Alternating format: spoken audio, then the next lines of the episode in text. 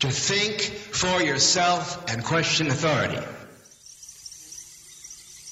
Radio na fali.com Hiperprzestrzeń. Ja na imię Tomek. Sobotni wieczór w Radio na Fali Retransmitowane oczywiście w Radiu Paranormalium. Także cześć człowieku. Witam serdecznie. E, Pozdrawiam wszystkich mecenasów radia. Wreszcie zostałem na miarę z polskiego konta, także jutro będę mógł spokojnie się tym zająć i normalnie Ci człowieku podziękować za wsparcie okazane radiu. Także dzięki, dzięki jeszcze raz, a jutro się pojawi troszkę więcej tych podziękowań, tak normalnie, jak zwykle, jak powinno być. Za te wszystkie zaległe wyczekiwania. Także dzięki jeszcze raz za wspieranie. Teraz już wszystko działa w miarę szybko, w miarę rychło. Także teraz te problemy zostały już zażegnane. Zatem z góry wielkie dzięki za wspieranie radia. Pisano w człowieku. Pozdrawiam serdecznie słuchaczy offline którzy na pewno czekają w tym momencie na wszystkie zaległości. To mogę sobie ich pozdrawiać, nie? Jasna sprawa. Nie, pozdrawiam Cię, człowieku słuchający oczywiście tego offline jak najbardziej Cię pozdrawiam. Bardzo serdecznie Cię pozdrawiam. Bez dwóch zdań. Oczywiście. Oczywiście, tak jak należy. I oprócz tego, że Cię pozdrawiam, mam nadzieję, że szybko, już niedługo uda mi się zrzucić wszelkie zaległości, które gdzieś tam zaparkowały w radiu na fali. Znaczy nie w radiu na fali, zaparkowały graniu mnie na twardym dysku. Zresztą chyba jak tego słuchasz, to już wszystkie zaległości są za tobą. I tyle. A właśnie, to bardziej się tyczy ciebie, człowieku będący tutaj duszą i ciałem. W tą sobotę, że tak czekasz e, z wytęsknieniem na zaległe odcinki hiperprzestrzeni, tudzież syntezy, Wyrywają sobie włosy z szaleństwa z głowy. Nie bój się człowieku, za chwilę to się wszystko pojawi, wszystko to powrzucam. Już jestem, że tak powiem, w trakcie obrabiania, montowania tego wszystkiego. Miałem troszkę rzeczy na głowie. Wiesz jak to jest w życiu. No nie? No. Co jeszcze chciałem powiedzieć? Bo dzisiaj e, kończę, nie wiem czy kończę, czy zaczynam. Gdzieś miałem tą notatkę, miałem tą kartkę papieru. Miałem! Rozglądam się teraz w panicy dookoła i szukam tej kartki papieru. Zrobiłem sobie notatkę, mam przed sobą. Tak, tak to jest pan Hilar na głowie okulary. Przepraszam bardzo. Właśnie, bo dzisiaj sobie będę kontynuował, bo nie ma księcia, nie ma tu żadnego gościa. Jestem sam jeden przy mikrofonie. Wreszcie, wreszcie spokojna hiperprzestrzeń. To oczywiście możesz już spokojnie zadzwonić. Nie, jeszcze nie, jeszcze nie podpiąłem mikrofonu. Radionafali.com, taki jest namiar na Skype. Ja to jak zwykle w, e, w ramach akcji przypominamy o słuchowiskach radiowych, czyli na przykład takich jezioranach. Ja tu imituję wszystkie te dźwięki, pan reżyser dźwięku siedzi i robi te wszystkie stukania, pukania. To jest taki, nie, żartuję sobie. To wszystko się dzieje naprawdę, naprawdę i na żywo. Słuchaczko i słuchaczku. Ja tu jeszcze podpinam sobie mikrofon, żeby, żeby jakby ktoś chciał zadzwonić.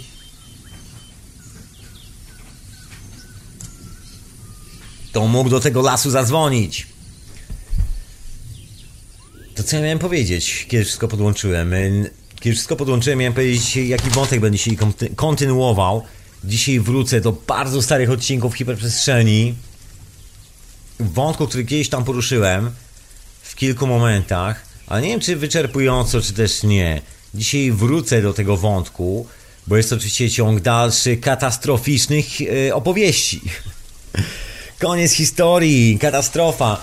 Ostatnio ktoś powrzucał na necie, gdzieś ktoś w Ameryce, kto to wie, gdzieś w dalekim świecie, dodatkowe takie zagubione taśmy różnych refleksji Terensa McKenny, którego ja oczywiście bardzo lubię. Może nie zgadzam się ze wszystkim, jest masa rzeczy, z którymi się absolutnie nie zgadzam, jeżeli chodzi o Terensa McKenna. Tak już mam, ale to każdy ma. Z niektórymi się zgadza, z niektórymi się nie zgadza. I bardzo dobrze, i niech tak zostanie. No więc okazało się, że są nowe, nowe taśmy, nowe nagrania, tak to można określić, w których można usłyszeć troszkę więcej refleksji Terensa na temat otaczającego nas świata, wszystkich tych spraw, które gdzieś tam łaziły po głowie. No i z tej okazji, ja też sobie poprawiam nagrywanie, żeby mi przypadkiem gdzieś tam nie wyskoczyło, że jest za cicho, za głośno, jeszcze sobie podkręcę troszeczkę, żebyś mnie lepiej słyszał, żebyś mnie lepiej widział, żebyś... E, no właśnie. Chyba już jest ok. Mam nadzieję, że jest absolutnie ok. Przepraszam, to troszeczkę takie techniczne dywagacje muszę przeprowadzać jeszcze. gdyż mam troszkę takie pionierskie ustawienia tego sprzętu całego i tak obsesyjnie, no może nie obsesyjnie, ale staram się w miarę, w miarę zadbać o jakość tego, co trafia do Twojego ucha, szczególnie wtedy, kiedy sobie to odtwarzasz później, także myślę, że już jest ok. Nie będzie specjalnie głośniej, także podkręć sobie u siebie w głośnikach, podkręć sobie u siebie w słuchawkach. Ja to po prostu nie mogę więcej podkręcić, bo zaczynam trzeszczeć niczym stara szafa. Dobra, to lecę dalej z tą opowieścią. Bo kiedyś wspominałem o tych wszystkich historiach, kiedyś tam dawno temu, o takich legendach, dawno temu w hiperprzestrzeni, o dwóch słońcach, o układzie spinowym, o kometach nie wiem czy mówiłem, gdzieś tam kiedyś wspominałem, ale nie, nie opowiadałem. I chcę wrócić do takiej legendy, która stoi, tak mi się wydaje, jest to jedna z tych cwaniackich historii, która stanęła u podstaw jakiegoś takiego dziwnego mitu o dualizmie, a oryginalna legenda jest o dwóch braciach, dwóch siostrach, dwóch, y, dwóch tych samych zestawach, powiem dwóch drzewach, można powiedzieć. Cokolwiek, cokolwiek, ale podwójnie. I jest tu generalnie jeszcze historia z katastroficznym zegarem gwiezdnym, który gdzieś tam się pojawia na świecie. Znaczy, okej, okay, to są nasze, że tak powiem, dywagacje. Co to jest? Jest to kupa kamieni po prostu, która jest idealnie wypoziomowana, wymuskana, ustawiona, no nie, jest precyz... na te bardzo precyzyjne miejsca gdzieś tam na niebie i to z taką znajomością astronomii, że to się w głowie nie mieści. Ja oczywiście jak zwykle lubię wrócić do tych starych kamieni, a dzisiaj sobie troszeczkę wrócę. I do, do takich historii, które są znajdowane na pustyni, która jest pomiędzy Chinami a Mongolią. Takie dziwne mumie. Jest taki słynny dokument BBC o tych mumiach. Bo się okazuje, że tam są mumie, ale mumie... Mumie generalnie chodzą w ciuszkach, w szkocką kratę. Znaczy, nie chodzą, bo to są mumie. Ale chodziły w ciuszkach w szkocką kratę. Mają takie ubrania mają tak specjalnie tkany materiał, bo specjalni naukowcy zrobili analizę materiału, jak były tkane te rzeczy i się okazało, że szkocka i irlandzka krata i tkane też z owczej wełny. Wygląda na to, że właściwie ludzie, których powinniście spodziewać się gdzieś w okolicy Anglii i Irlandii, Celtowie, właściwie znajdują się na granicy Chin i Mongolii. Jest kilka w ogóle ciekawych historii dookoła tego wszystkiego. I w ogóle jest taki ciekawy obraz świata, który się z tego wszystkiego wyłania. Oczywiście on ma pewien lekki katastroficzny posmak, ale co tam? Mam nadzieję, człowieku, że się nie boisz. Dziewczyno też się nie bój, nie będzie strasznie, tylko odrobinę. Radionafali.com i właśnie, bo Radio na Fali jest retransmitowany w Radiu Paranormalium oraz w Radiu Dreamtime. Pozdrawiam serdecznie. Peace and love. Wszystko już chyba powiedziałem na sam początek. Właśnie, jeszcze przy okazji pozdrawiam wszystkich... Yy, użytkowników archiwum Radia na Fali. Jeżeli ktoś jeszcze nie jest użytkownikiem Radia na Fali, to jeżeli chce się czuć pozdrowiony, powinien e, w pewnym momencie, kiedy się nudzi, odwiedzić te archiwa Radia na Fali, tam jest troszkę rzeczy. Ja dzisiaj troszkę będę nawiązywał właśnie między innymi do tych starych, gdzieś tam zasięciałych audycji Hiperprzestrzeń, bo tam się pojawił temat dwóch słońc. Nie wiem, czy on dalej jest, bo kilka odcinków na przestrzeni historii dziejów, zawieruch, wojen, y, pożóg i katastrof wyparowało z archiwum, ale troszeczkę tego jeszcze zostało. Także powrócę może od samego początku w ogóle w tej chwili. Powrócę, gdzie ja wracam? Właściwie tak, wracamy. Wracamy do starych czasów, wracamy do pradawnej wiedzy. W cudzysłowie oczywiście, albo dosłownie. Nie wiem, człowieku, czy słyszałeś o tym, że jest więcej słońc albo więcej ziem, może mówić dwa słońca, niż na przykład jedno. I że jest na przykład druga ziemia, a nie tylko jedna ziemia. I teraz sobie wyobraź, że dawno, dawno temu były takie bardzo ciekawe legendy. Sam początek Bizancjum, kiedy jeszcze nie było katolskie, to troszeczkę inne miejsce i trochę inna wiara. Jest tam oczywiście słynna bogini Sap, ale właściwie nikt nie wie, kim była ta bogini. Właściwie pozostały tylko i wyłącznie reprezentacje, kilka rzeźb, kilka rozkradzionych w British Museum, kilka ukradzionych w berlińskim muzeum, troszeczkę ukradzionych w Paryżu, troszeczkę w Ameryce, troszeczkę na miejscu tam zostało, może nie za wiele. Reszty przejechały amerykańskie czołgi albo jakoś tak. No ale wiadomo, że była taka istota, jest ona często kojarzona z kultem y, Zaratustrian, są ci kolesi, którzy kręcili się dookoła ognia. Ależ strasznie nieelegancko powiedziałem. No ale to właściwie tak jest prawda. Chciałoby się powiedzieć coś więcej, ale historia, przynajmniej taka niby oficjalna, polega na tym, że jeden z kolegów odkrył święty ogień gdzieś na jakiejś górze, który nie chciał zagasnąć i stwierdził, że to jest znak od Boga. No i się okazało, że wszyscy inni muszą płacić za to, że to jest znak od Boga, a on teraz rozmawia z Bogiem, który jest wiecznym, niegasnącym ogniem. I oczywiście ma swoje zasady, oczywiście do tego wszystkiego, bo nie można tak zwyczajnie, bez zasad. Także to jest zaratustianizm i to jeszcze jest taka w miarę świeża sprawa. To takie już początki formowania się armii w armii e, Mazur. Można powiedzieć, już tak zaczęło się dziwnie robić na świecie, era żelaza, już ten miecz był ważniejszy troszkę od ludzkiego rozumu. Takie dziwne czasy, prawdopodobnie, się wtedy zaczęły. No ale jeszcze przed tym były inne czasy i w tych innych czasach zostały takie ślady, ślady legend. Oczywiście zawsze można mówić, że jest to historia naciągana do pewnego stopnia, tak lub nie, yy, lub nie można się spierać, bo jak zwykle już mówimy o czasach, w których oczywiście zostały jakieś tam zapisy technicznie mówiąc językowe, ale właściwie nikt technicznie nie jest w stanie odczytać tego pisma. Także taki słodki, że tak powiem, joke historii, słodki dowcip, który nam zostawiła. Ale zostały rzeźby. No i na niektórych z tych rzeźb jest takie w ogóle ciekawe przedstawienie dwóch braci. Że słońce nie jest jedno, tylko że są dwa słońca że jest troszkę więcej niż mniej, że są dwie ziemie, że są podróże pomiędzy jednymi a drugimi planetami. Słynna historia pewnych tabliczek, które pojawiły się w internecie, a, a pochodzą od Klausa Dony. Wszystko pojawiło się za pomocą oczywiście Nasira Haramaina na jednym z jego show, właściwie takich prezentacji, gdzie zostało to pokazane. Takie bardzo ciekawe rzeźby na tych kamykach latające spotki, kosmici, piramidy, w ogóle science fiction. I to takie science fiction to się w głowie nie mieści. Ja nie chcę tutaj opowiadać takich konkretów, bo też właściwie nic poza tymi obrazkami, tak samo jak ty, no nie wiem, no po prostu są takie obrazki, okej, okay, mam swoje spekulacje, które będę dzisiaj troszkę, troszkę naciągał w tym kierunku i się, że tak powiem, uzewnętrzniał. No ale właściwie nikt z nas nie wie do końca, co to jest. No wiadomo, że nie jest to z tej ziemi, bo to widać. Raczej idiotami nikt e, z nas, aż takim, e, aż takim idiotą nikt z nas nie jest. I każdy z nas dokładnie widzi, że są pokazane planety, są pokazane pojazdy z innych planet, jakieś dodatkowe istoty, i są pokazane dwa słońca, i w ogóle są ciekawe historie na ten temat. Ale wracając do Bizancjum, tam cała ta historia zaczyna się w ogóle od dwóch słońc. Tam była taka jakaś, nie wiem, czy to był kult, czy cokolwiek, jakiś ślad star starodawny prowadzi do opowieści o mieście, w którym wierzono w dwóch braci, jednym słońce i jego brat. Że słońce miało brata, rozumiesz człowieku. I że to jest taka reprezentacja tego, jak działa cały kosmos. I na podstawie tego później, kiedy w Bizancjum pojawili się katole, Dalej były to dwie osoby i tą drugą osobą akurat w tym przypadku była żona cesarza. Ale dalej były dwie. I dalej ta zasada tych dwóch postaci, dwóch słońc królestwa czy cesarstwa została teoretycznie, politycznie niby, przynajmniej tak piszą kronikarze, zachowana. Nie wiem ile z tego jest naciąganej prawdy, ile z tego jest rzeczywistości. Nie wiadomo, tego opracowali ci kronikarze. Kto to wie? Wiemy natomiast, że stare rzeźby przedstawiają jak nic coś, co możemy nazwać dwoma słońcami. No i cała ta historia przede wszystkim z kultem słońca, tadam, to się w ogóle dzieje.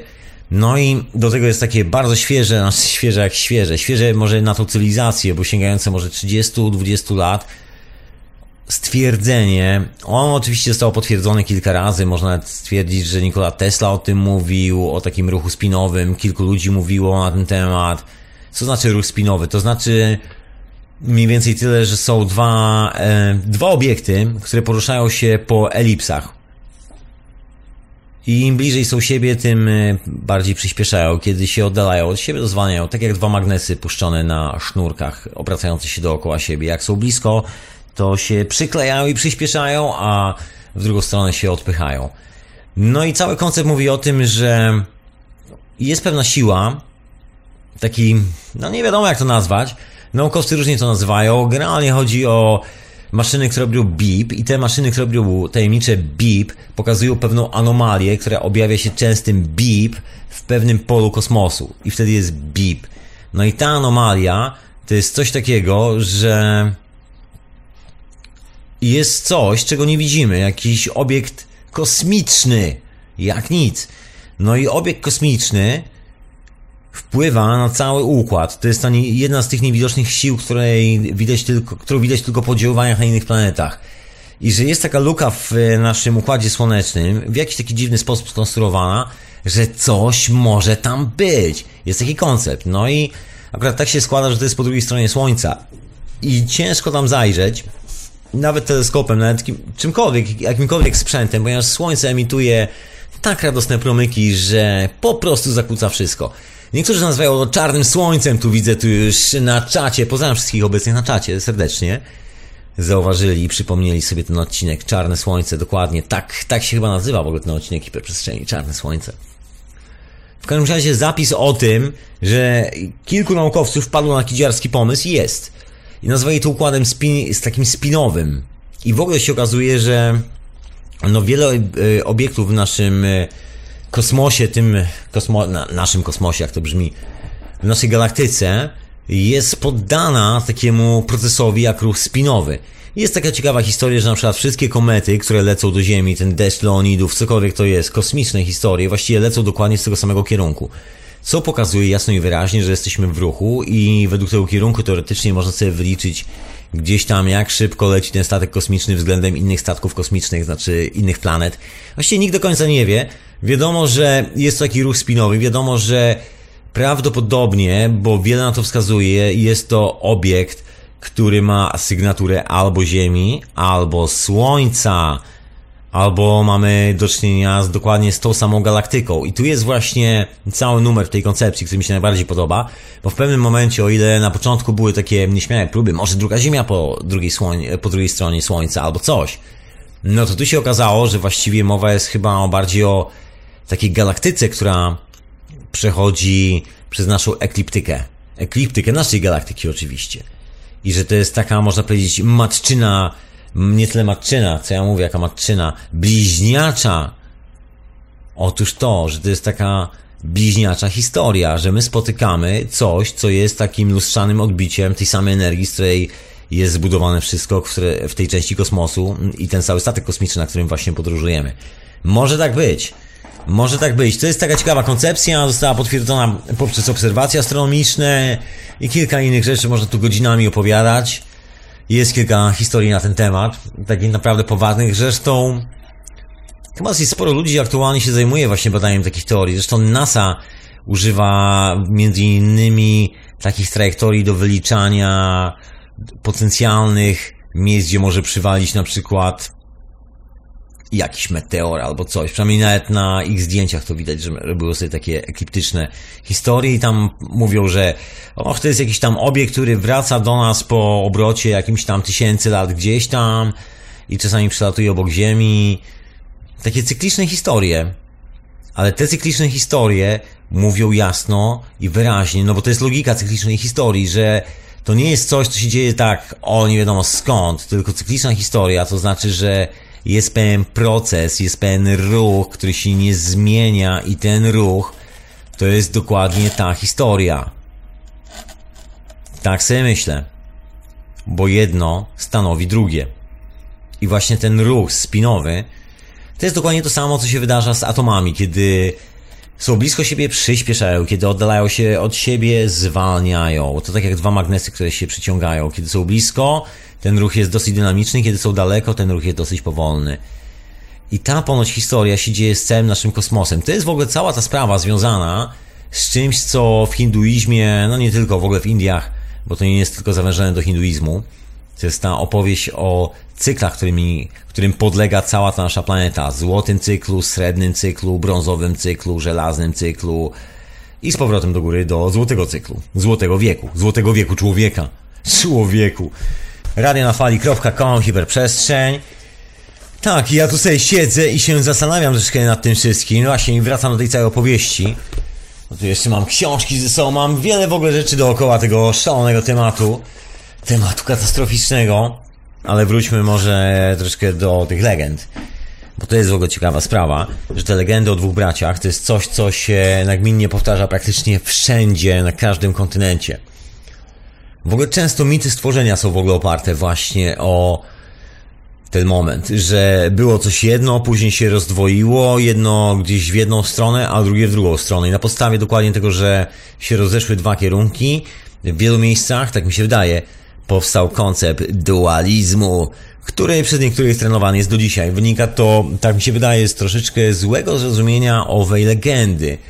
Bo jeżeli połączyć to wszystko powoli w jedną wielką całość, a też to nie koniec, czyli z tym układem spinowym, któremu podlega nasza galaktyka, który jest dosyć wyraźny, widoczny, charakterystyczny, jeszcze się okazuje, że są rzeczy, o których jeszcze nie wiemy, a niedługo być może się dowiemy, bo na razie widać tylko ich oddziaływanie, aczkolwiek no właśnie nie wiadomo jak się o nich dowiemy, to jest też ciekawa w ogóle sprawa, ale o tym to może, to może też mi się zdążyć i powiedzieć. Właśnie, bo legendy o dwóch braciach są sklejone z reguły z tymi najstarszymi budynkami. Jest taki numer z Aztekami i Majami, tymi rzeźnikami w Ameryce Południowej, że oni, o czym doskonale wiedzą wszyscy znawcy tematu, o tym się nie mówi zbyt często, z reguły uznaje się ich za rdzennych mieszkańców, którzy odpowiadają za te wszystkie piramidy i tak dalej, i tak dalej, że to jest niby ich historia. Chociaż w rzeczywistości, o czym, tak jak wspomniałem, prawdziwi badacze tematu doskonale wiedzą, ci dżentelmeni właściwie przyszli z lasu, z dżungli i znaleźli stare porzucone miasta – Następnie pod pretekstem tego, żeby oddawać kult starym bogom, no ustanowili swoje, że tak powiem, rzeźnickie rytuały, bo właściwie niewiele robili i się okazało, że, że pod pretekstem oddawania kultu bogom można sklepać kogoś innego i zabrać mu to, co można mu zabrać. Inna sprawa, że zwariowali nieprzeciętnie na punkcie zabijania się nawzajem. To było pełne szaleństwo, ale nawet oni, nawet oni twierdzili, że wszystkie te budynki oni zostali gdzieś tam dawno, dawno temu w dżungli i tam po prostu sobie przyszli. I że to są wybudowane przez bogów miasta i że oni nigdy tam nic nie, nie wybudowali. Oni ustawili kilka tam steli z takiego miękkiego wapienia, z kilku takich, że tak powiem, miękkich skał, gdzie sobie, że tak powiem, kontynu kontynuowali część swojego zapisu, bo jak na ironię, nagle takie dzikusy, które dorwały się do miasta, nagle posiadały taką bardzo ciekawą wiedzę, jak sobie robić zapisy, jak sobie robić matematykę, obserwacje astronomiczne. Także była jakaś biblioteka informacji, z której oni sobie skorzystali gdzieś tam u zarania dziejów, zanim zwariowali. Przynajmniej na to wygląda. Przynajmniej tak mówią stare hiszpańskie kroniki. Pisane przez jezuitów, którzy dotarli tam z pierwszymi rzeźnikami. Zresztą to to samo, jedno i to samo. Jezuita, a nie rzeźnik. Przecież to jest jedno i to samo, ta sama praca. Zawsze tak było. I z tej okazji Wiemy właśnie o czymś takim jak legendzie stworzenia, która gdzieś tam ocalała, dokładnie chyba oficjalnie przetrwało tam tych pięć księg z całej Ameryki, właściwie środkowej i południowej, z Mezoameryki, tak można powiedzieć, tych kodeksów. Drezdeński kodeks i jeszcze jakieś tam cztery inne, przy czym właściwie ciężko nazwać to przetrwaniem, bo mówimy o pojedynczych kartkach często się okazało, że kazano to spalić, wszystko doszczętnie spalić. I tam była cała ta informacja, na którą się owi szaleńcy powoływali, po to, żeby móc wyznawać swojego Boga. Także jak na ironię, pomimo że zwariowali, to przez swoje szaleństwo bardzo precyzyjnie zapisali wszelką informację matematyczną, taką werbalną, którą mogli przekazać w werbalny, nauczalny sposób. Całą arytmetykę, kosmologię, wszystkie tego typu sprawy. No i stąd się brał między innymi ich kalendarz. To nie pochodziło od nich, absolutnie. No i jak się okazuje, nawet oni posiadali taką wiedzę. No i właśnie nawet Hiszpanie to zauważyli, że to troszeczkę dziwne jest. No ale niestety zniszczono praktycznie prawie wszystko, ale prawie nie oznacza, że wszystko. No więc zostało troszeczkę budynków i zostały takie bardzo ciekawe budynki. Nie pamiętam w tym momencie, nie mam żadnego zdjęcia ani żadnej nazwy pod ręką. Znajduje się to gdzieś w Meksyku, na Yucatanie, takie miejsce, gdzie stoją takie pilary kamienne. Nie wiem z jakiego jest to kamienia, czy twardego, czy miękkiego, ciężko mi to powiedzieć. Rzecz jest diabelnie stara i o wiele starsza niż wszelkie kultury, które jawimy yy, jako, nie wiem, Majów, Azteków albo coś w tym stylu. Wszystkie te, które zostali Hiszpanie na miejscu. Nie, nie, to nie ma z tym nic absolutnie wspólnego. Coś bardzo starego ale mi się rymuje i nawet nie czuję. No i to bardzo stare kamienie zawierają kalendarz, właściwie kalendarz, zawierają numerki. Wiedza o numerkach przetrwała dzięki właśnie tym szaleńcom, którzy tam później to zmanipulowali swoją szaloną, krwawą religią, odcinania sobie wszystkich możliwych kończyn i wycinania sobie serca. Ale matematyka została. Zresztą przy mnie też matematyki trochę zostało. Niewiele, bo niewiele, ale pomimo tego rzeźnictwa i szaleństwa trochę zostało. I ta matematyka wskazuje na takie bardzo zaawansowane cykle gwiezdne i to mówimy o cyklach, które no właściwie możemy, nie wiem, określać w naszym czasie jako 26 tysięcy lat, 12 tysięcy lat. Takie bardzo konkretne, bardzo precyzyjne kalendarze gwiezdne, które pokazują właściwie wszelkie te skrzyżowania się potężnych, dużych cykli. Właściwie nikt do dzisiaj oficjalnie nie jest w stanie stwierdzić, gdzie i w jaki sposób zapisano sens e, podawania takich cykli, bo właściwie to jest to coś, co istnieje też w wielu innych miejscach na świecie, też piramidy w Egipcie, domyśliłeś się doskonale, słuchaczu i słuchaczko. Ty też się domyśliłaś doskonale, że w Azji wszystkie te tajemnicze budynki też. Stonehenge, no to dawno temu, bo Stonehenge przebudowano już tyle razy, tam te kamienie mają podmurówkę z betonu, zrobiono w latach 50., bo postanowiono to poustawiać tak, żeby turyści mieli łatwiejszy dostęp chyba. na nowo. Ale tam już przedstawiali kamienie od jakichś 100 lat, także niewiele zostało z oryginału. Także Stonehenge to jest taka troszeczkę wizualizacja e, brytyjskich archeologów, można powiedzieć. Natomiast no jest troszkę takich budynków w Azji, jest teraz troszeczkę tych nowych budynków znajdowanych. Jest jeden taki, o którym mówiłem.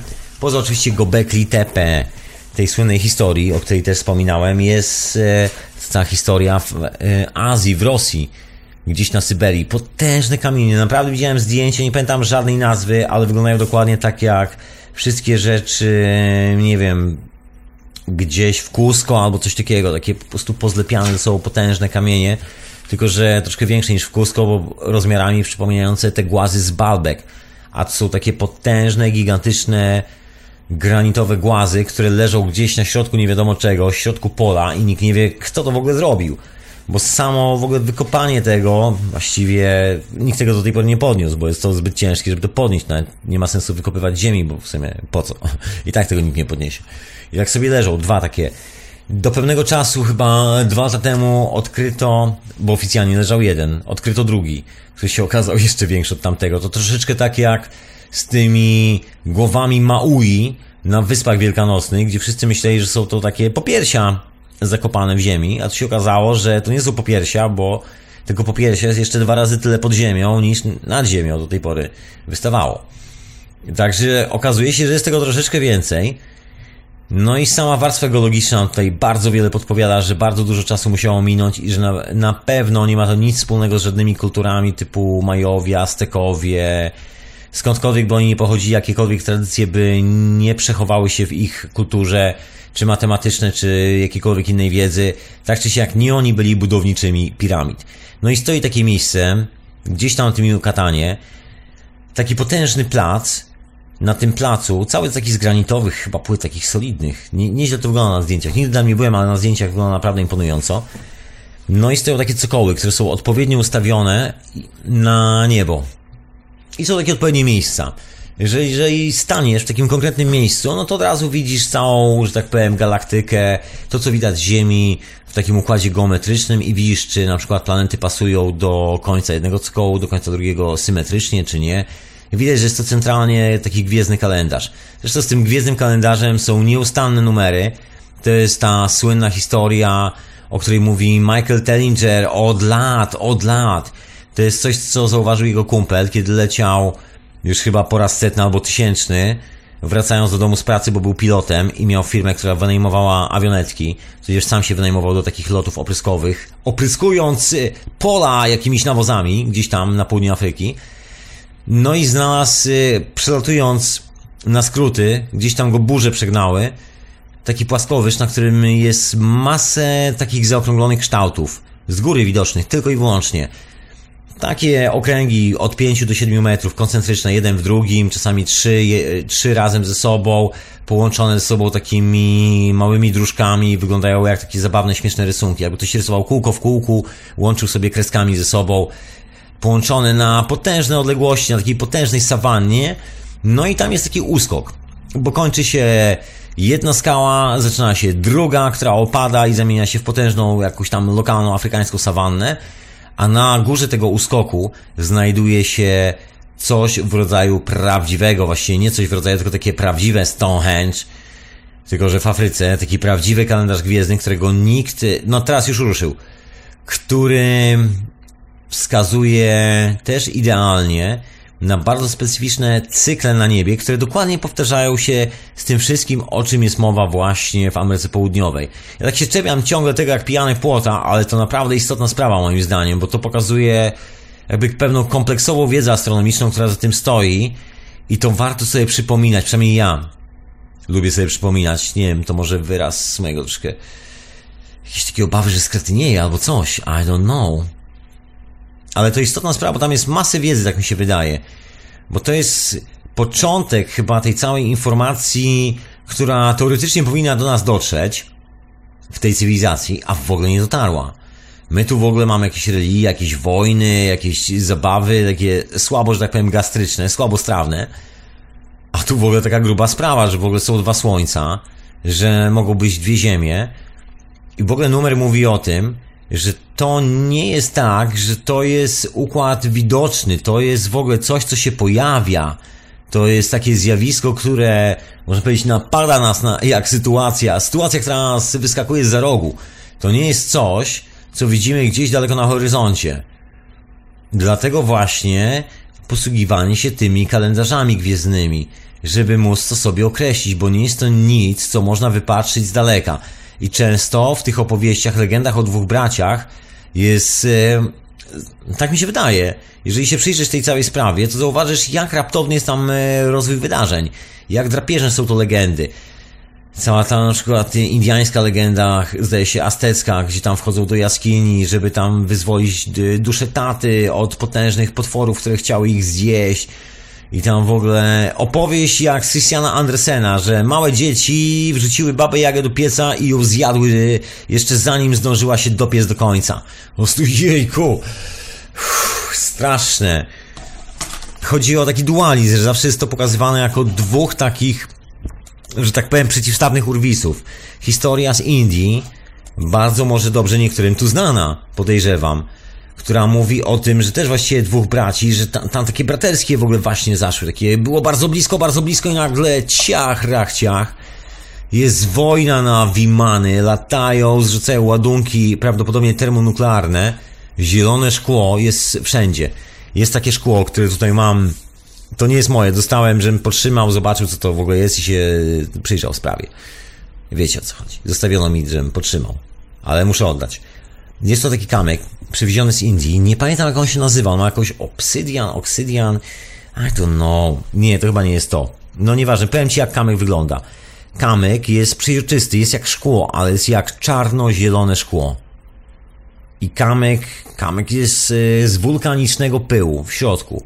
I kolesie w Indiach, którzy są takimi joginami albo albo jakoś tak, trenują jakieś takie wytrwałe historie patrzenia się w słońce, odżywiania praną korzystają z takich kamyków i przykładają sobie to miejsce, które się nazywa tam trzecim okiem. No ja sobie nie przykładałem, znaczy próbowałem parę razy sobie przyłożyć, ale akurat, ale akurat y, to nie jest chyba moja historia. Ja to i tak mam wystarczająco opowieści takie, że hu hu dla siebie, że już nic nie muszę przykładać do swojego czoła, swoją drogą, ale no ciekawa historia, że jest taki kamyk i ten kamyk to jest szkło, które ma zatopiony kawałek skały wulkanicznej. No i to jest pytanie, skąd to się wzięło. No jedna odpowiedź to jest taka, że z wulkanu. A druga rzecz, że szkło ma taką dosyć specyficzną temperaturę topienia, w ogóle powstaje w takich dziwnych warunkach. I to szkło w tym kamyku ma odrobinę takiej właśnie drobnej radiacji, która nie powinna pochodzić teoretycznie z wulkanu, bo jak z wulkanu to właśnie bez radiacji. Jest wszędzie na pustyni, i to na Saharze, takiej właśnie przy piramidach, na tej konkretnej pustyni, takie zielone szkło znajdowane. W grobowcach faraonów jest znajdowane to zielone szkło. I to zielone szkło, poza tym, że to jest stopiony kwarc i słania się wszędzie po, ca yy, po całej długości pustyni, to jest jeszcze lekko radioaktywne. Jak to wygląda? Wygląda to trochę tak, jakby ktoś walnął takimi potężnymi ładunkami, nie wiem, plazmowymi, termonuklearno-plazmowymi albo cholera wie co, walną na potężnej yy, rozpiętości nad pustynią i dokładnie w tym miejscu tak usmażył piasek, który jest kwarcem, bo piasek to jest polimer kwarcu. Tego samego kwarcu, który jest taki błyszczący jak rośnie i tak dalej, i tak dalej. Dokładnie ten sam polimer kwarcu. I piasek w tym momencie zaczyna być taki przejrzysty, zaczyna się topić. I dodatkowo jeszcze zaczyna się lekko napromieniowywać. I to jest właśnie to zielone szkło. Jest kilka zagadek w historii cywilizacji, że człowiek się drapie po głowie. Jest kilka jezior, które mają takie dna, że wygląda jakby ktoś tam centralnie zrzucił jakiś ładunek termonuklearny. Bo to nie jest normalne. Tak samo jak ta słynna sprawa z kraterami na Księżycu, które centralnie wyglądają jak po przyładowaniu jakiejś bombki. Jakoś tak mi się wydaje. Jest kilka teorii na ten temat, to oczywiście zawsze można się spierać, bo oczywiście nikt z nas nie ma żadnego dowodu, poza tym, że okej, okay, mamy troszeczkę zielonego szkła, mamy troszeczkę bardziej ciemnego zielonego z Indii szkła. Jest kilka różnych załamań w gruncie, które bynajmniej nie są naturalne, które ciężko inaczej wyjaśnić, ale to są ciągle kwestie dla niektórych sporne. Sporne bym powiedział. No właśnie, a czy może nie jest tak, że historia wygląda zupełnie inaczej? Ja to tak myślę, że może być tak, że to jest to zapomniana część historii właśnie, cała ta sprawa z dwoma słońcami, z dwoma braćmi, czarne słońce, druga planeta Ziemia, coś e, w układzie Paralo. Bo właściwie wszystko, co tu funkcjonuje, pierwsze co robi, to funkcjonuje w takim układzie na dwa. Jest jedno i się dzieli, tak? Funkcjonuje komórka, tak? Widzimy wszędzie, wszędzie widzimy taką tak zwaną synergię, współpracę ze sobą dwóch ośrodków. Tata, mama i jest dziecko. To jest taki standard. Oczywiście od tej strony wydaje nam się takie naturalne, bo to przecież, o tak, jesteśmy skonstruowani, ale się wszystko jest w kosmosie tak skonstruowane. I jeszcze dochodzi do tego ta tajemnicza geometria, która też nie wynika z żadnych tam boskich, niesamowitych przekazów, tylko wynika właśnie z tej informacji, która została po nie wiadomo kim, dawno, dawno na tej planecie Ziemia, na temat właśnie tej rzeczywistej astronomii, cyklów, kiedy się mijają planety, jaki tworzą kształt na niebie. Bo to jest w ogóle cała ta historia, na przykład alchemiczna, że cały kosmos jest jednym wielkim kryształem. I ja bym się nawet z tym zgadzał, absolutnie. I dlatego na przykład niektóre kryształy oddziałują na niektórych z nas w taki, a nie inny sposób, że się na przykład czujemy lepiej albo gorzej. Niektórzy ludzie mają e, takie historie z minerałami, jak biorą do ręki. Nie wszyscy, bo nie jest to oczywiście takie masowe, ale zdarza się. No ale właśnie czym jest kosmos? Kosmos jest dokładnie tym samym kryształem. I to oddziałuje na nas non-stop, także te zapisy o tych wszystkich prawdziwych horoskopach, o tych przesunięciach gwiazd i tak dalej, ja tak od jakiegoś czasu tak już troszkę bardziej sensownie traktuję, bo za tym stoi bardzo ciekawa matematyka właśnie schowana gdzieś tam w dżungli, w tych starych budynkach, gdzieś tam w Indiach schowana, gdzieś tam w tych starych dziwnych resztkach, które zostały po kodeksach indiańskich, to czego jezuitom nie udało się spalić. Właściwie był taki jeden koleś, który to uratował. Jemu to wszystko zawdzięczamy ale on po prostu miał uratować tylko jeden, reszta miała ulec spaleniu. Ale ponoć takie słuchy chodzą, tak słyszałem i to było jakieś półtorej roku temu, w Stanach Zjednoczonych, gdzieś w prywatnej kolekcji w Nowym Jorku, pojawiło się kilka kartek i pojawiła się informacja, że ktoś ma jakiś ekstra zaginiony kodeks i tam parę kopii, takich fotokopii z kilku stron tego kodeksu wyciekło. Ja widziałem chyba tylko trzy. Wygląda ok, wygląda dziwnie, ale każdy z kodeksów wygląda dziwnie, bo historia z tymi kodeksami jest też swoją drogą dosyć egzotyczna. Nie do końca było to dzieło tylko i wyłącznie Indian, jak na ironię. Przy niektórych wypadkach było to dzieło Indian, którzy siedzieli pod, i pisali to pod dyktando jezuitów, tam na miejscu, poważnie. Ale też w ogóle historia na osobną opowieść, ja to w ogóle zostawię sobie gdzieś na te wszystkie jakieś takie południowe, południowe, bardziej nastroje, troszkę te południowe historie. Dzisiaj zostawiam, dzisiaj bardziej katastroficznie.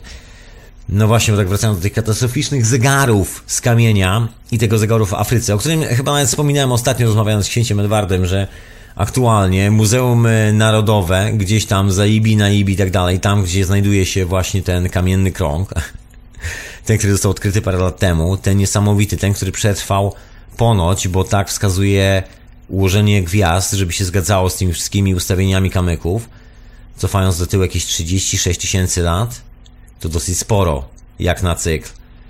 No i lokalne muzeum, właściwie to lokalni historycy postanowili wziąć, właściwie Ministerstwo Kultury, zabrać ten największy kamyk ze środka, który ustawiał pozycję całego kosmosu. Do muzeum pod pretekstem, że na miejscu uszkodzi go erozja, a więc usunięto elementarny element, kluczowy bym powiedział, działającego zegara, po to, żeby przestawić go do muzeum. No jest teraz podobna historia, nie wiem czy się żaliłem już wcześniej z Gobekli Tepe w Turcji. Żalił się też Graham Hancock, że obudowują to wszystko teraz dachem z góry i teraz jak się przychodzi na przykład wieczorem, to nie widać gwiazd i nie widać jak to wszystko elegancko ze sobą śmiga.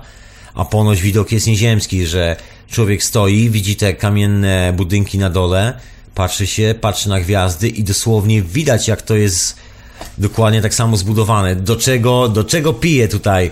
Bo ja tak cały czas zawijam, zawijam, że widać to jakieś 2000 lat, jakieś dwa, i cykle 12 tysięcy lat. Macham książką, wymachuję notatkami, ale chodzi oczywiście o to, że w tym momencie mamy dokładnie ten sam, ten sam punkt. Nagle te wszystkie gwiazdki, które mamy na niebie, zaczynają się zgadzać z tym, co jest na tych kamiennych budyneczkach. Taki czas. Czy jest siła w nas? Oczywiście, że jest siła w nas. e, A ja to się czuję dosłownie jak Colombo albo jak Sherlock Holmes. Właśnie przed chwilą dostałem bardzo ciekawego. Pozdrawiam serdecznie Konradzie. Konrad właśnie teraz słucha i pozdrawiam w ogóle, pozdrawiam serdecznie w Edmonton, okolicy Calgary w ogóle. I właśnie dostałem zdjęcia, bardzo fajne zdjęcia, rzeczy, które tam są znajdowane wszędzie, jak się okazuje. Tutaj są zdjęcia właśnie z kamielin, zrobione właśnie przed chwilą telefonem komórkowym. I najlepszy numer jest taki, że i tam są kawałki takiego zatopionego szkła z kamieniami i kośćmi. Tak jakby nagle coś grzmotnęło i to tak grzmotnęło, że chyba grzmotnęło nieźle. W ogóle tam jest historia z tym, że właśnie w tamtym miejscu coś przywaliło i to konkretnie. Są dwie hipotezy. Jedna mówi, że ruszył lodowiec i to tak konkretnie ruszył, że tam w ogóle wyrwało Wielki Kanion Colorado, że poszło tak przez całe Stany i dlatego jest taka, taka piękna, malownicza autostrada teraz z takimi widokami malowniczymi.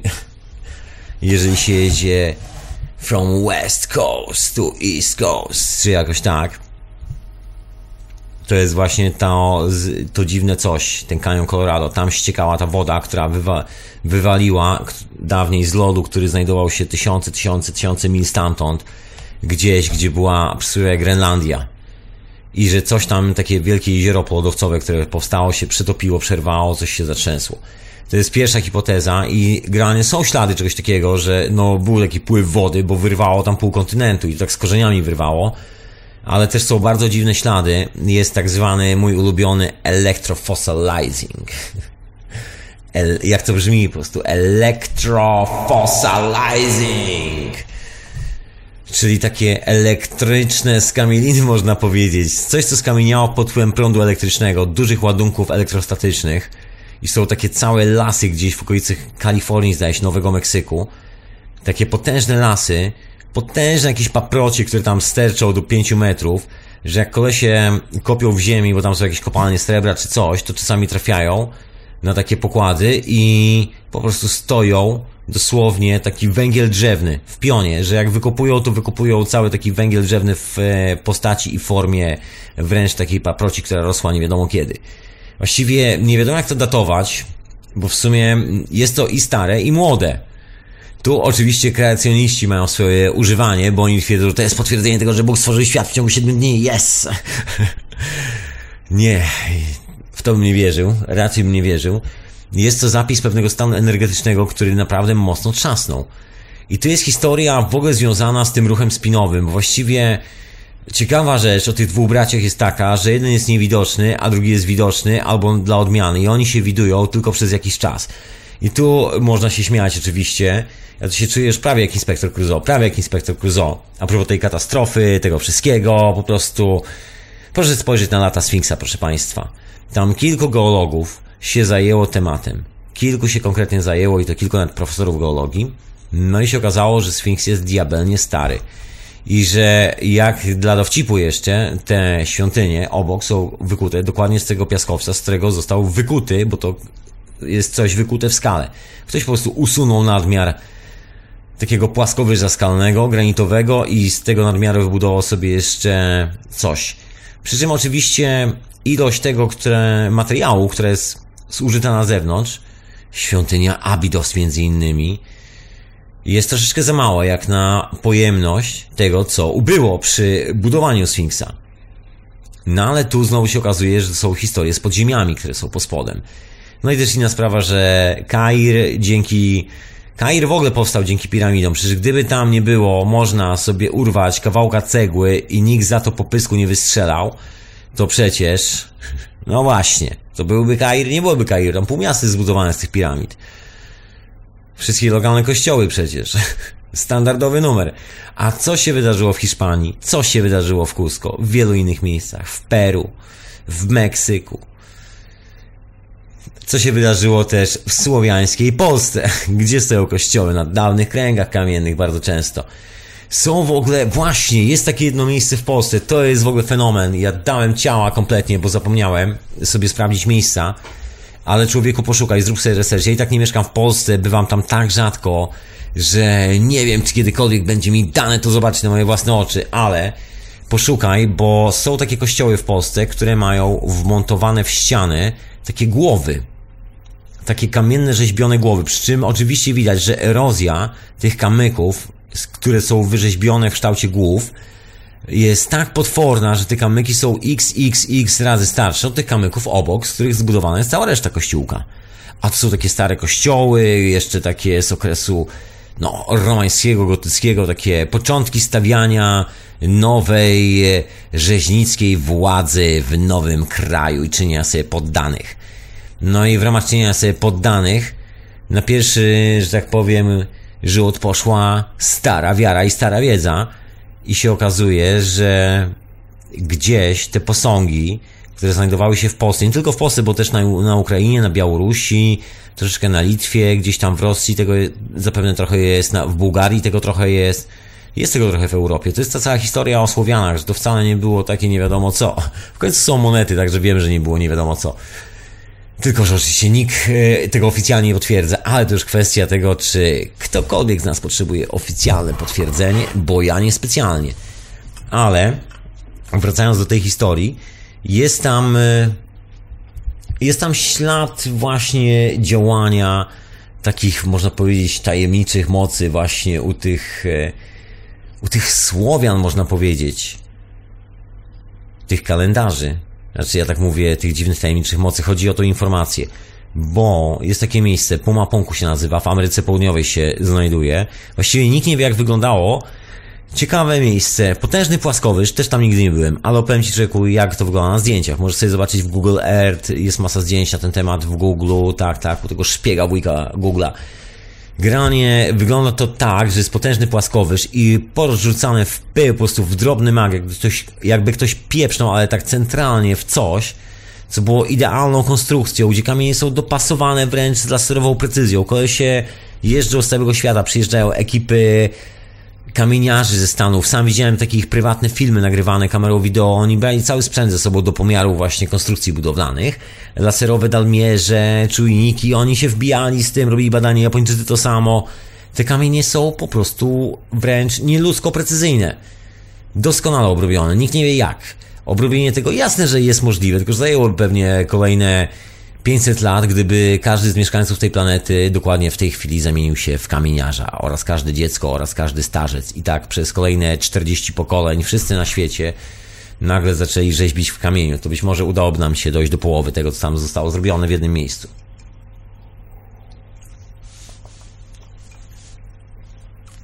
I jest masa tych porozrzucanych kamyków dookoła.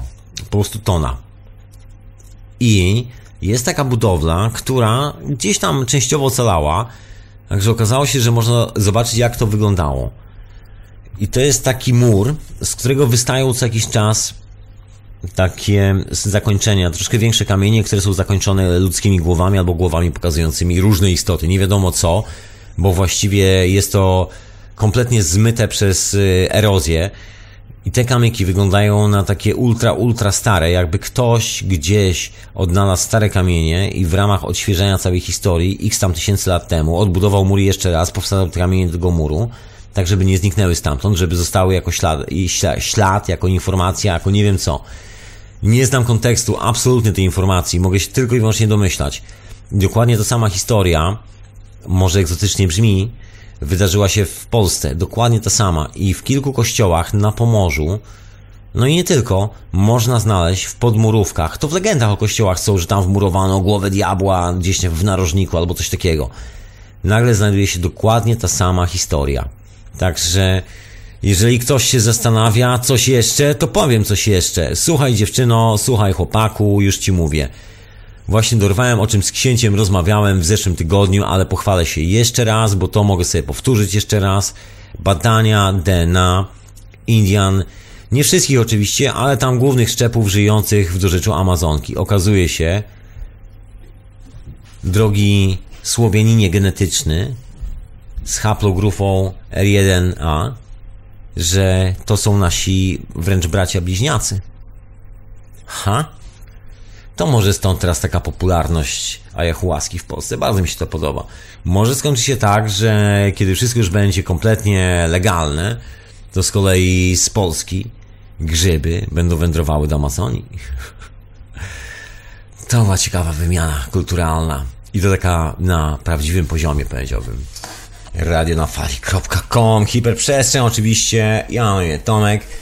Jak chcesz zadzwonić, to oczywiście radionafali.com na Skype'ie. Śmiało dzwonić. A przed chwilą y, garnek na gaz, a gaz na maksa.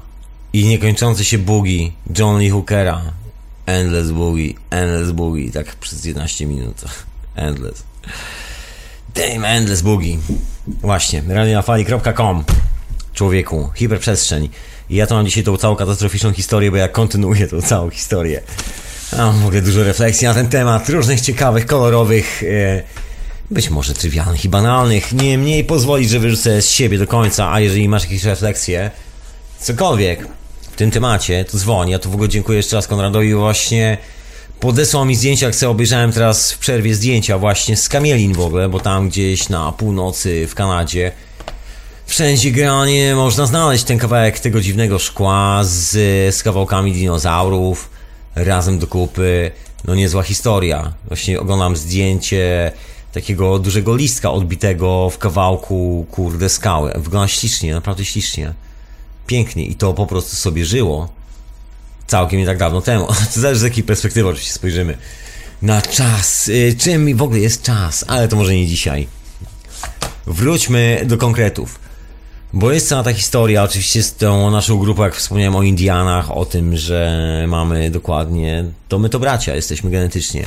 To jeszcze oprócz tego jesteśmy genetycznie, no nie bracia, ale bardziej, że tak powiem, no młodsi bracia, młodsi bracia, to może w ten sposób, młodsi bracia aborygenów. No i się okazuje, że nie jest chyba całkiem tak, e, jak mówią oficjalne koncepcje na temat rozchodzenia się ludzi po świecie, gdzie oni podróżowali, że ludzie się zaczęli tam, przeszli tam, ta, tamci się zamienili w tamtych, ta grupa się cofnęła, później wróciła. Się okazuje, że sprawa w ogóle wygląda zupełnie inaczej. Nikt na razie nie chce podnosić za bardzo tego zbyt głośno, no bo to wywala wiele teorii i zarówno tych, które można posądzić o to, że są, że tak powiem, mainstreamowym bullshitem, a i zarówno tych, które można posądzić o to, że są jakimś nawiedzonym bełkotem na temat wyższości jednej rasy na drugą. Bo i takie się zdarzają wcale nie mało. Każdy pretekst jest dobry dla nazisty w złowiu. Otóż to. No ale wracając do tych dziwnych ruchów, mamy tą ciekawą historię z pustyni, która się znajduje na granicy pomiędzy Mongolią a Chinami. Dosyć takie ekstremalne miejsce, tam jest jakiś poligon wojskowy, były nuklearny i radziecki i chiński, jakoś tak. Takie dosyć, że tak powiem, dyskusyjne miejsce. Granica przebiega przez pustynię. Jest taka dziwna, dosyć egzotyczna, a pustynia jest po prostu wysiana mumiami i pozostałościami po takiej starożytnej cywilizacji, która gdzieś tam datowana tymi wszystkimi współczesnymi metodami, ja tu oszczędzę Ci wymieniania C300, 400, 800, 900, 300, e, generalnie udało się w miarę zdatować po czym po szczątkach organicznych ciuchów, które doskonale zachowały się między innymi w tym klimacie po włosach, ponieważ po prostu wszelkie postacie, które pochowano, zmumifikowały się. No i postacie są na przykład rudowłose. Noszą szkockie, że tak powiem, ubiory tkane na szkocki i irlandzki sposób, na celtycki sposób. Z wełny, która pochodzi dokładnie z takiego gatunku owiec, który i tam był. Się okazuje, że w ogóle te ślady, oczywiście może mój Celtowie, gdyby się tak zawsze w jedną stronę, można stwierdzić, że Słowianie to też Celtowie. No w sumie ten design jest bardzo podobny. Może sploty czasami są inne, ale wszystko jest dokładnie to samo.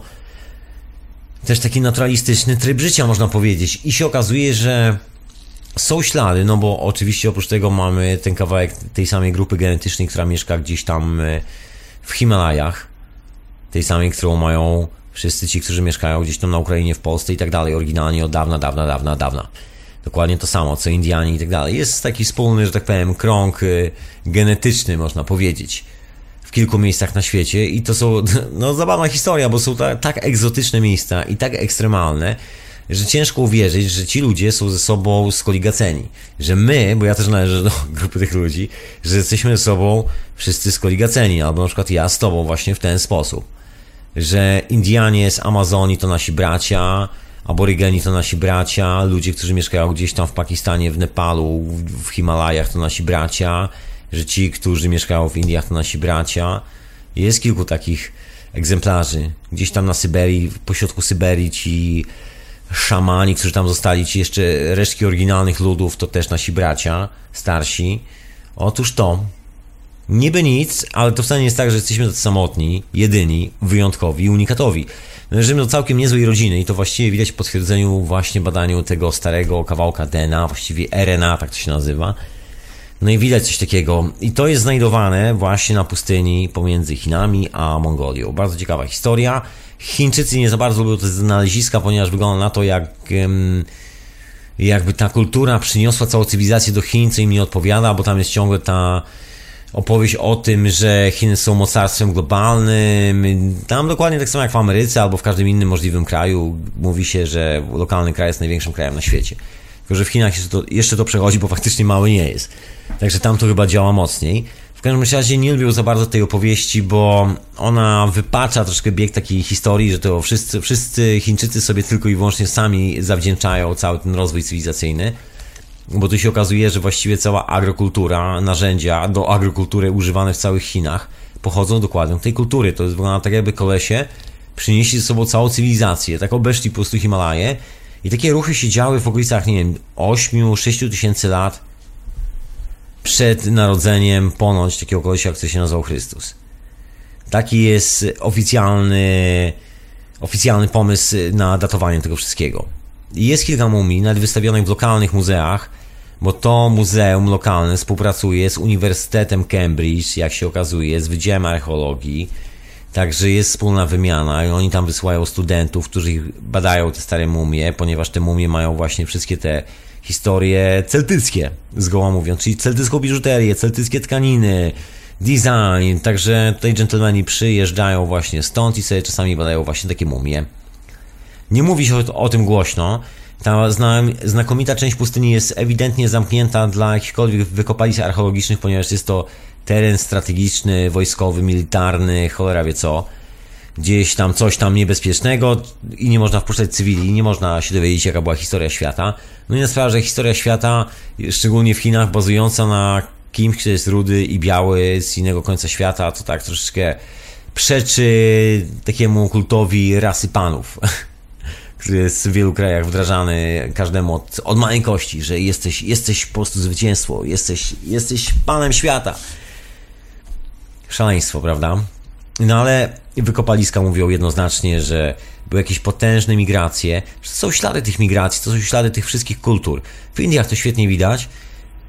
Wielu ludzi zauważa na, na wykopaliskach w Indiach i podczas robienia zdjęć, podczas robienia badań i podczas w ogóle pobytu, też tam nie byłem, ale zdjęcia i w ogóle badania archeologiczne pokazują taką znamienitą sprawę, że o ile właściwie Indie może nie wyglądają jak coś takiego ultra, ultra starego, coś nieprzeciętnie starego, coś co pamięta pra, pradzieje, ale w rzeczywistości na to wygląda, że tak jest. Bo jeżeli się ścina jakby pierwszy poziom tych świątyń, no to się tam dokupuje tysiąc lat wcześniej, tysiąc lat wcześniej, tysiąc lat wcześniej i ciągle jest ten problem, że po wbiciu łopaty zawsze jest do czego się dokopać. I się okazuje, że właściwie znamienita część tych najstarszych centrów sakralnych, tak zwanych, w Indiach, to właściwie nic innego jak stare, nie wiem, kalendarze gwiezdne. Uch, dużo tego jest wszystkiego. Jest sporo takich budynków w Azji. W ogóle w Azji jest masa ciekawych wykopalisk archeologicznych.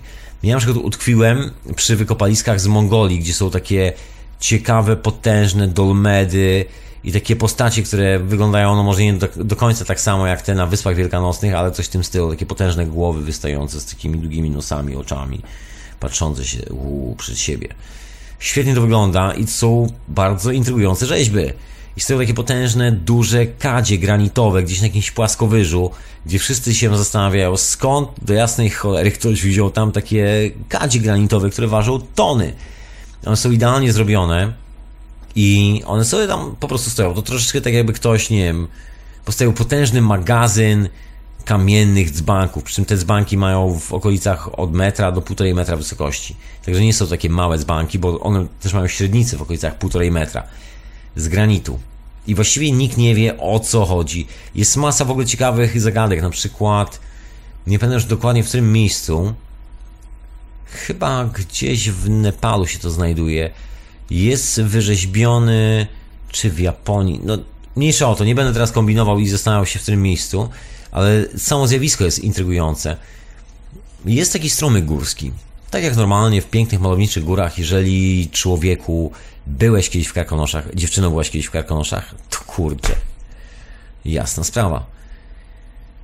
Jest kilka takich pięknych, malowniczych strumyków w górach, pięknych, gdzie strumień przepływa po takim dużym kamieniu i się tak ładnie zalewa, płynie po kolejnym dużym kamieniu. Także te właściwie potężne głazy wytyczają koryto takiego strumyka przeźroczystego. No i tam numer polega na tym, że ktoś w tym strumyku wykuł takie bardzo sprytne na tych kamieniach, takie bardzo sprytne wzorki, takie vorteksy, wszystkie jakby skrętki w lewo, takie ślimaczki. I to jest na takiej szerokości metra, takie paski są wykute na tych kamykach. I wygląda to troszeczkę tak, jakby te zawijasy miały coś robić z wodą, nie wiem, ją dezynfekować. W cudzysłowie oczywiście, mają ją po prostu uzdatniać. To jest troszeczkę coś na zasadzie takiego biorezonansu robionego kształtem za pomocą małych vorteksów w kamieniu. Ale właściwie nikt nie wie, do czego to służyło, bo też wygląda trochę jak pozostałości po takich generatorach wodnych i to tak dosyć konkretnie. Widziałem jeden taki patent, gdzieś tam opublikowany, zdaje się, nie chyba w zeszłym roku, gdzie dosłownie występowała taka sama zasada i się śmia, śmieliśmy ze znajomym, że, że o proszę bardzo, starożytni już o tym wiedzieli. Ktoś tam skonstruował taką pompę właśnie wodną, znaczy pompę wodną, taki generator wodny odbierający jakąś tam e, ilość energii, właśnie montowany w ten sposób, w takim staku. Na strumyku, albo na jakiejś rzece, albo na łódce. Ciekawa rzecz. Ale to było to zabawne, bo to właściwie centralnie wyglądało jako kawałek jakiejś tam konstrukcji urządzenia, także wiadomo, że to nic e, z kultów e, religijnych i też nie było żadnych religijnych podań dookoła tych miejsc. I w ogóle niewiele w ogóle było wiadomo na ten temat. Rybacy tylko mówili, że są tam stare znaki po praojcach, jakoś tak. Taki, jak to zwykle w takich opowieściach, że gdzieś tam, o hu, hu, to dawno temu, miliony, tysiące lat, wieki, wieki i weki, i zakręcone weki tysiące lat. To z kosmosu wylądowali przodkowie, przyszli i to zostawili po sobie. Tyle na ten temat wiemy. Koniec rozmowy. I tak to wyglądało. Właściwie nikt za bardzo nic na ten temat nie wiedział, dopóki coś tam się nie zatrzęsło i się nie obniżył poziom wody w tym strumyku i nie zaczęło być widać pięknych rzeźbień na tych kamykach. Po prostu niesamowitych. Gdzieś tam widziałem zdjęcia tego, to się udało komuś sfotografować, bo to dosłownie akcja, która trwała tam raptem no parę chwil, zaraz po tym trzęsieniu ziemi.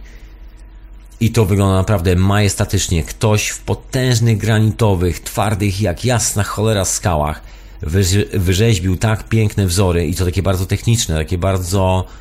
Są ozdobne elementy, ale widać co jest ozdobne, a co jest na przykład czymś, gdzie się chyba coś wkładało, montowało, bo widać centralnie jak wygląda jak uchwyt. Jest masa takich miejsc gdzieś tam w Azji, jak się człowiek porozgląda. Teraz coraz głośniej się mówi o neolitycznych strukturach w Japonii, dookoła Tokio. I nie tylko dookoła Tokio, właściwie ponoć cała Japonia z tym, że tak powiem, usłana. No, o, zawsze było o tym cicho, bo też jest to cichy naród, swoją drogą. I też dosyć hermetyczny. No ale okazuje się, że i z tego hermetycznego kraju troszkę informacji dociera i widziałem już zdjęcia kilku takich miejsc, które centralnie wyglądają jak no kosmiczna sprawa, no ktoś ma, miał kosmiczną technologię, robił takie rzeczy z tym kamieniem, z jego kształtem, że to się w głowie nie mieści. Jest troszeczkę tego. A propos, wracam, wrócę jeszcze do tych wzorków, które były w tym strumyku górskim, że jak woda się obniżyła, to nagle było idealnie widać te wzorki. W Indiach jeszcze jest kilka takich miejsc, gdzie są wyrzeźbione takie rzeczy. To nie jest jedno miejsce. W Ameryce Południowej są też tego typu konstrukcje. Właściwie to też nie jest tak, że to jest wyjątkowa konstrukcja, ta, o której mówisz, nagle mi oświeciło, że wow, ta jedna, jedna na świecie. Sprawdziłem, jest tego troszeczkę. Ale ta była ciekawa pod jednym względem. Trafiłem w British Museum na bardzo ciekawe talerze, które ja od początku twierdzę, że to elementy konstrukcyjne jakichś urządzeń, które są właśnie wyrzeźbione dokładnie w ten sam sposób, te same vorteksy. I one są, i one są takie fajne, po prostu elegancko z jadeitu, który naprawdę łatwy w obróbce nie jest. I wszystko to jest, proszę ja, słuchaczko i słuchaczu, wyrzeźbione z taką precyzją, że to się w głowie nie mieści. Jest taka kolekcja, jeżeli będziesz kiedyś w Londynie, to sobie odwiedź British Museum, jest absolutnie za, za darmo. Wybierz sobie taką godzinę 11 Pomimo, że muzeum mówi, że tam jest od 10, to i tak te główne sale otwierają od 11, a o te główne sale chodzi. Także nie nabieraj się na folder, bądź tam gdzieś tak o 11, jeżeli lubisz jakaś kawka po drodze, bo, i, bo to zajmie troszkę czasu i przygotuj się, bo tak mówię, zajmie troszkę czasu na 5 godzin, tak spokojnie. Możesz sobie kanapki zrobić, własne, z własnego chleba. To jest dobry pomysł. Jest kilka fajnych miejsc, gdzie można usiąść sobie kanapkę wcisnąć z własnego chleba. Bardzo fajnie smakuje w otoczeniu mumii, w otoczeniu starych kamieni, w których się nakradziono po prostu wszędzie na świecie, gdzie tylko stępnęła noga brytyjskiego imperium. Kradli wszędzie wszystko, co im wpadło w ręce. Tacy byli odkrywcy. No i w British Museum jest troszeczkę tego. I tam znajdują się właśnie takie na pierwszym piętrze stoisko, stoisko co ja mówię, no tak, stoisko z kulturą Azji, tam gdzie są Buddy, chińskie rzeczy, idź po prostu prosto, wchodzisz główną bramą, idziesz cały czas schody, idziesz prosto schody, omijasz cokół, idziesz prosto schody, nie schodzisz na dół ani w bok, idziesz prosto i stajesz, bo dalej już nie ma prosto. I jesteś w Azji, dokładnie. British Museum, jest mapka na początku, jest nawet w języku polskim, także nie ma problemu. I tam są te kamyki, bardzo fajna rzecz. Ja sobie próbuję nawet zdjęcia tych kamyków. Ciężko się robi zdjęcia, bo tam jest specjalne szkło, które ma filtry polaryzacyjne pozakładane. Na wypadek, gdybym chciał młotkiem roztrzaskać i niczym w Mission Impossible buchnąć im te talerzyki. Jeżeli ktoś y, z nas kojarzy, ja kojarzę taką opowieść o kamieniach, okrągłych kamieniach z dropa. Dropa, dropa stone, tak to się nazywa. Dropa stone, kamienie dropa gdzieś tam znalezione w Chinach, legendarne kamyki. Nikt właściwie nie widział tego od lat. Krążą takie bardzo słabej jakości zdjęcia po internecie, które są, zdaje się, z jakiejś książki, ale nie wiadomo, czy są to na pewniaka robione zdjęcia, czy to ktoś sobie wymyślił. Właściwie są czarno-białe zdjęcia, które ponoć są autentyczne. Chodzi o tajemnicze kamienie, które znaleziono kiedyś tam w Chinach. Właśnie gdzieś w okolicy właśnie tej dokładnie pustyni, żeby było zabawniej. Właśnie tej od tych dziwnych mumii, które mają rude włosy. Znaleziono tam okrągłe kamienie, ponoć z bardzo wytrzymałego materiału, jakiś kwarc, coś takiego, jakiś granit, taki I don't know. Ciężko to powiedzieć, bo legend dookoła tego jest więcej niż prawdy. Także bardzo łatwo tutaj powielać jakiś urgent legend, urban legend. No, zostawiamy Urban Legend, w każdym razie wyglądało to troszeczkę jak płyty winylowe, jak płyty CD, tylko że duże, bo wyglądało na jakieś może 30-50 cm średnicy, nie pamiętam. Zresztą w internecie chyba są nawet informacje na ten temat. No i troszeczkę te kamyki, które sobie leżą z jadeitu, nawiązują do tego okrągłego kształtu, aczkolwiek nie wiadomo co to było. Są takie elementy, które podejrzewam, że gdybym dostał to do ręki i możliwość pobawienia się tym, no to miałbym niezłą frajdę, bo z tego co widać pasują do siebie jak klocki Lego, ale nikt tego oczywiście razem ze sobą w muzeum nie poskłada. Bo z tego jadeitu jest porobionych kilka innych elementów. I trafiłem na przykład na taką płytkę, i to nie jest jedna płytka, właśnie, bo to jest ciekawa sprawa, że z jednej strony płytki jest jakiś tam znaczek, który oznacza konkretną rzecz, i ona wygląda troszeczkę jak biżuteria, a z drugiej płytki jest zawsze coś, co wygląda jak instrukcja techniczna. I część płytki jest jak kluczyk do czegoś, jak za, zatrzask, jak no kawałek czegoś użytecznego, że bardzo ciężko to w ogóle zakwalifikować do jakiegokolwiek elementu biżuterii. I to jest największy właśnie problem z tymi zabytkami, które gdzieś tam są znajdowane, że teoretycznie można by je wrzucić do muzeum, do szafki z napisem biżuteria i potwierdzić, że tak, takie coś, e, taka biżuteria, taka z e, przed tysięcy lat. Ale właściwie nikt nie wie, jak można nosić taką blaszkę, bo to nie ma żadnego sensu. Natomiast obok stoi rurka, która ma dokładnie wycięcia w ten sposób zrobione z boku i widać, że tą blaszkę można śmiało włożyć w to wycięcie, bo aż się prosi. Aż ja bym to po prostu. No, może dlatego zakładają tam te specjalne szyby, także jak będziesz tam z aparatem, to ciężko się robi zdjęcia, strasznie trzeba pod kątem ustawiać ten aparat, bo ta szyba robi taki bardzo niefajny efekt na zdjęciach. Cwaniaki. Ale jest kilka miejsc, gdzie można fajnie to sfotografować, wtedy British Museum. Także jest troszeczkę takich rzeźb, małych drobiazgów z jadeitu. Wygląda jak elementy małych takich unitów energetycznych. I jest kilka innych opowieści na ten temat. No i dużo w Azji takich spraw. I dużo z Korei jeszcze takich dziwnych przedmiotów, ale takiej właściwie nie wiem czy Korei, bo to ciężko nazwać Koreą jako taka, bo to było grubo, grubo zanim zaczęła się jakakolwiek Korea. Pojawiły się ślady takiej dziwnej kultury, która operowała w bardzo wysokiej jakości w kamieniu. I to jest ciekawa rzecz. A jeszcze tak wrócę do indyjskiej kultury, bo w Korei dokładnie ponoć, jakby częściowo, dokładnie ponoć częściowo, no coś w tym stylu. Takoś mi się powiedziało zabawnie. Ponoć część tej tradycji przetrwała do dziś, pomimo że w rzeczywistości aktualnie mieszkańcy nie mają nic wspólnego z tymi, którzy to robili, przynajmniej technologicznie. To była jakaś w ogóle osobna kultura, która się tam pojawiła, zakwitła, zostawiła po sobie nie wiadomo co i wszystko działa. My też to znamy z wersji europejskiej, tylko nie, nie mówimy o tym głośno, bo jest to pas wobec kultury i oficjalnej ściemy historycznej, którą się nam sprzedaje. A historia tyczy się, moja droga słuchaczko i drogi słuchaczu, nie innego miasta jak Rzymu. Się okazuje, że Rzym właściwie nie był nigdy żadną rzymską, że tak powiem, ostoją. Było to miasto i cała ta kultura było niczym więcej jak zdrabowanym dobrodziejstwem z innych kultur, a dokładnie to z Etrusków, których nikt nie zna aktualnie, ponieważ ciężko cokolwiek wnioskować, gdyż Rzymianie wprowadzili tak potężną cenzurę na tą kulturę, że wytłuczono wszystkich co do nogi. Zresztą ślad pewnego króla został sportretowany w ewangelickich opowieściach sekty Jezusowej. Właśnie Tarquina, króla Etrusków. Ale to w ogóle historia na osobną opowieść, to też zostawię, bo to też taka fascynująca historia z zaszłości, przyszłości Europy.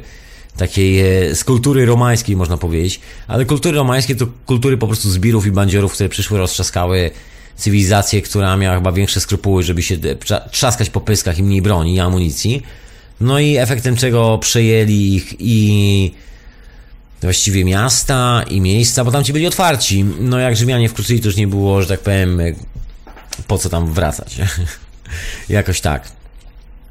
Inna sprawa, że przed Etruskami też tam była jeszcze inna kultura. W ogóle to jest taka ciekawa historia, że jak człowiek się przygląda na to wszystko, to ja przynajmniej nie wiem jak ty, ale mam takie wrażenie, że to jest jak się nazywało? De... że to jest zaprzeczenie cywilizacji, zaprzeczenie rozwoju cywilizacyjnego, że my właściwie ulegamy ulegamy zgupieniu albo właściwie tracimy wszystkie umiejętności z czasem, a nie je zyskujemy. Dobra, dobra, nie będę kombinował, bo tak szukałem tego słowa gdzieś w głowie.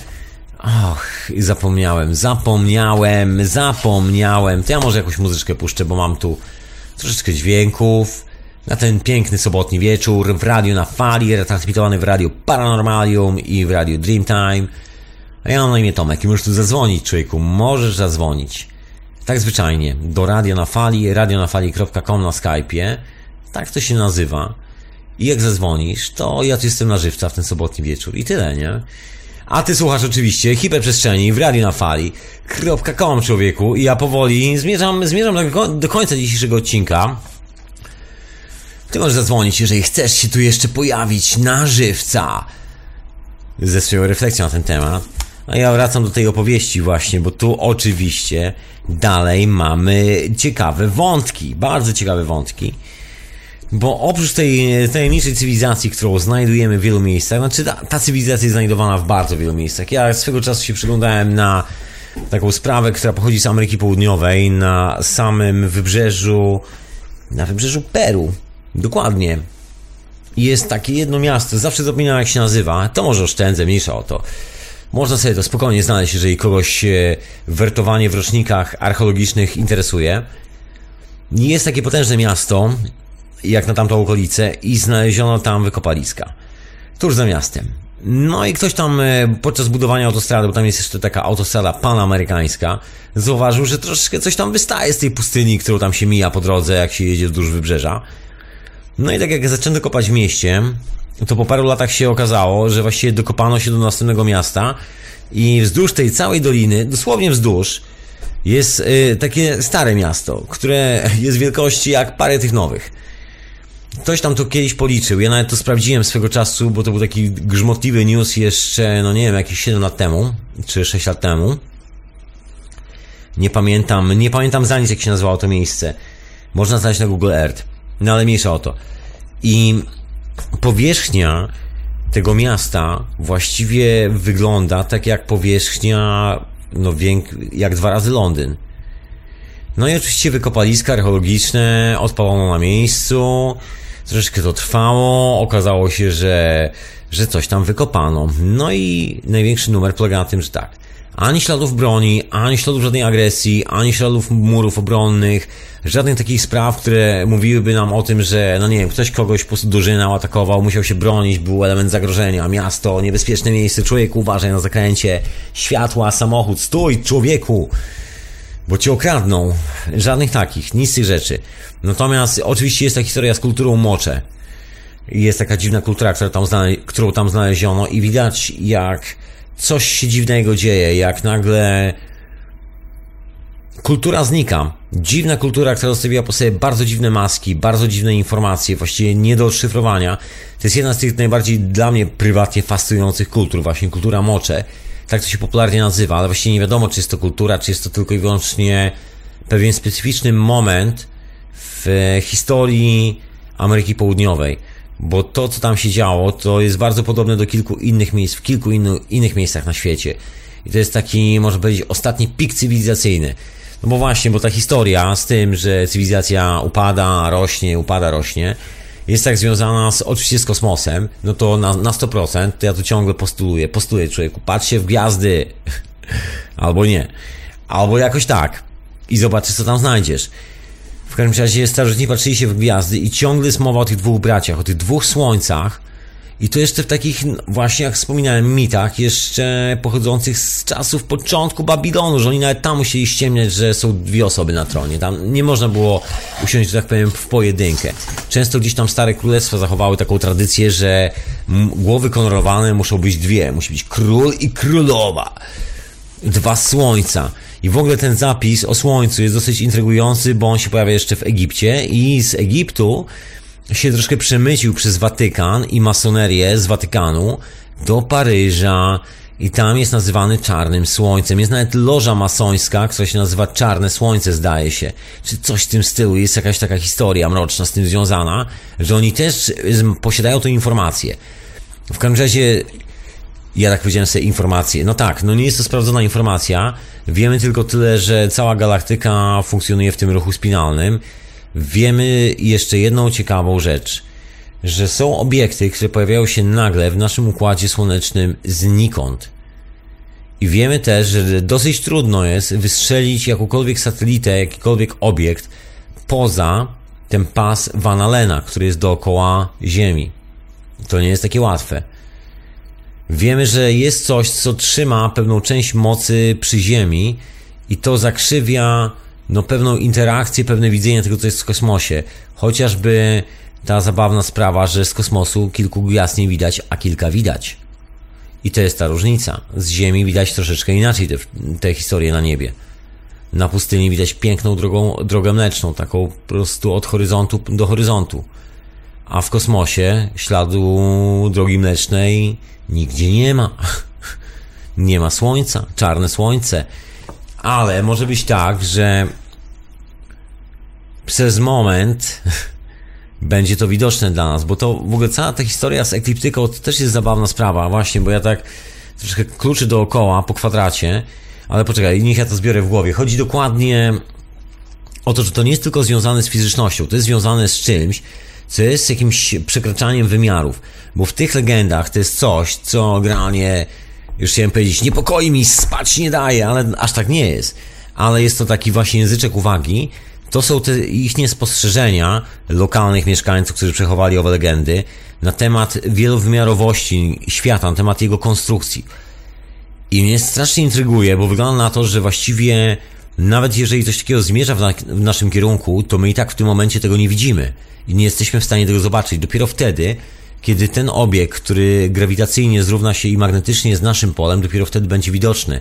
Jak na razie jego pole jest równe nam, bo jest to układ binarny, jest to dokładnie ten sam układ energetyczny. I nasz dystans to jest zawsze balans tej energii z jednej i z drugiej strony, dlatego układ jest niewidoczny. Bo my po prostu wy wykonujemy taki manewr i on też z takiej prędkości, z takim rezonansem, można powiedzieć, że znika. To jest troszeczkę jak wytłumianie czegoś. Dokładnie mamy ten sam rezonans. I interferencje powodują, że pomimo, że jesteśmy, widzimy anomalie, widzimy, że coś się dzieje dookoła, to nie widzimy siebie nawzajem. Dopiero w tym ostatnim momencie, kiedy jesteśmy już na rzut beretem, dopiero wtedy się widzimy i wtedy jest wow, wielkie zaskoczenie. I być może to jest ten numer. I jest coś bardzo zabawnego w tych wszystkich starych opowieściach, które krążą u Indian, które właściwie nie wiadomo, czy to opowieści było tak. Chciałem już powiedzieć w Egipcie, ale w, ale w Egipcie mamy te stare płaskorzeźby, naprawdę cholernie stare i co zrobić z nimi, bo właściwie odczytany jest tylko ten nowo, nowoczesny egipski, ten jeszcze z czasów Kleopatry, no może trochę wcześniej. Jeszcze jesteśmy w stanie odczytać e, Księgę Umarłych, ale nie jesteśmy w stanie odczytać rzeczywiście, rzeczywistych tych tajemniczych pierwszych hieroglifów, które są tak geeky i tak techniczne, że wyglądają jak instrukcja do obsługi maszyny. I w ogóle połowa urządzeń tam wygląda jak kawałki roztrzaskanych jakichś maszyn. Tak mi wygląda na to w Egipcie. Nawet to, to, co jest w British Museum, tak samo wygląda jak kawałki roztrzaskanych maszyn, poza oczywiście rzeźbami. Rzeźby to tylko taki element, że tak powiem, dekoracyjny na maszynach, żeby działały albo żeby rezonowały.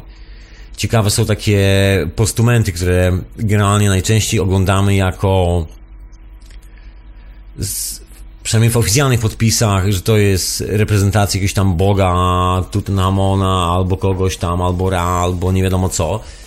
Egzotyczne rzeczy, różne podpisy. Pomnik to jest taki postument siedzącej na takim wąskim krzesełku postaci, dużej raczej postury, taki 2 metry jakby wstała, to może miałaby 3,5 metra, jakoś tak, a może, może naszej postury.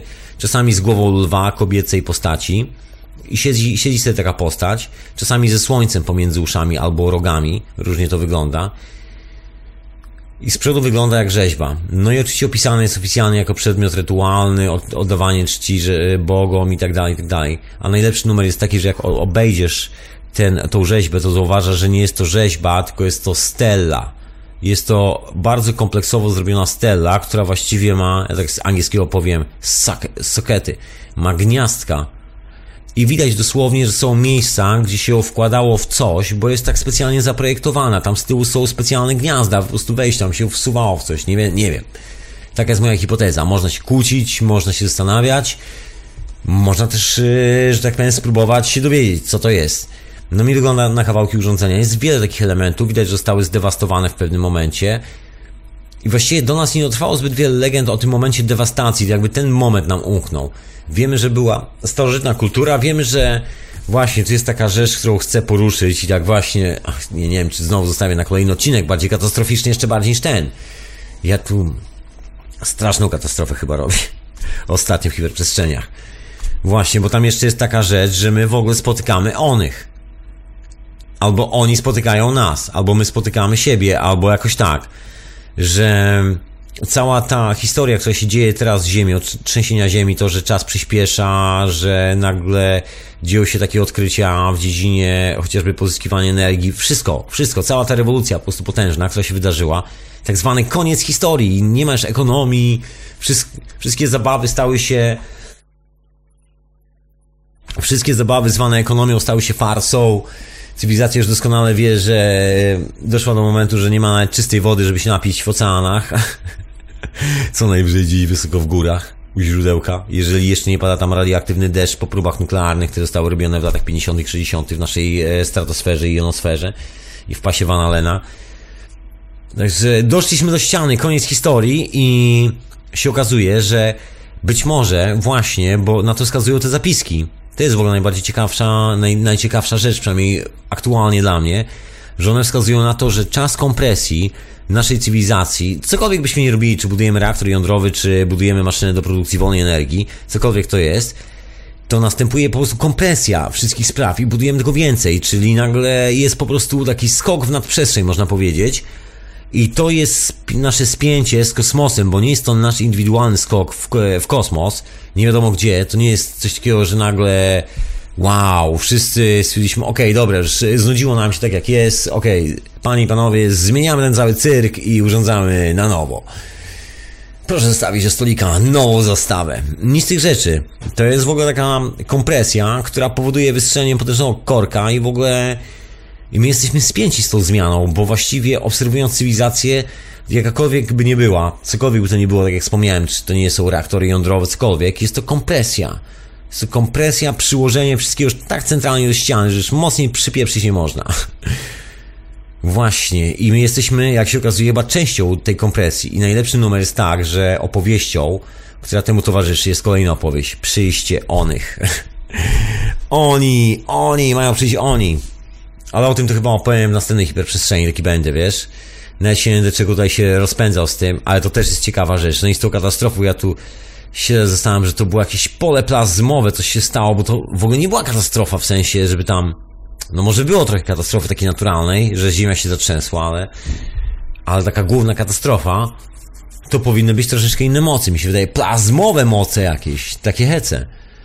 I jest kilka hipotez na ten temat. To, to jest ten skamieniały las, który skamieniał pod wpływem wielkiego rozładowania elektrostatycznego. To ja sobie tak wyobraziłem, to troszeczkę tak, jak żeby y, skamieniała na przykład Puszcza Białowieska. Taki piorun musi grzmotnąć. Taki piorun kom konkretnie grzmotnąć. Na przykład pierw musi bagno, jakaś woda, jakieś tsunami zalać Puszczę Białowieską. Całą Puszczę Białowieską, tak żeby tam było błoto z solą, bo to jest bardzo istotne, z solą morską, bo ona propaguje prąd elektryczny, to zjawisko plazmowe właśnie w wodzie. Także to jest nam niezbędne. To jest ten warunek, no, equagito, czyli warunek, który musi być spełniony. W tym momencie musi walnąć piorun wielkości, no, borów tucholskich. Dokładnie w jednym momencie w całe te lasy. I w tym momencie cały ten las zamienia się, kiedy się ta, ta woda troszkę jeszcze opadnie, bo musi jeszcze chwilę opaść, żeby tam zostało błoto. I w tym momencie ten las zamienia się w skamieniały taki elektrycznie las pod wpływem wielkiego wyładowania albo rozładowania elektrostatycznego, jak to się oficjalnie mówi. Czyli uderzenia plazmy.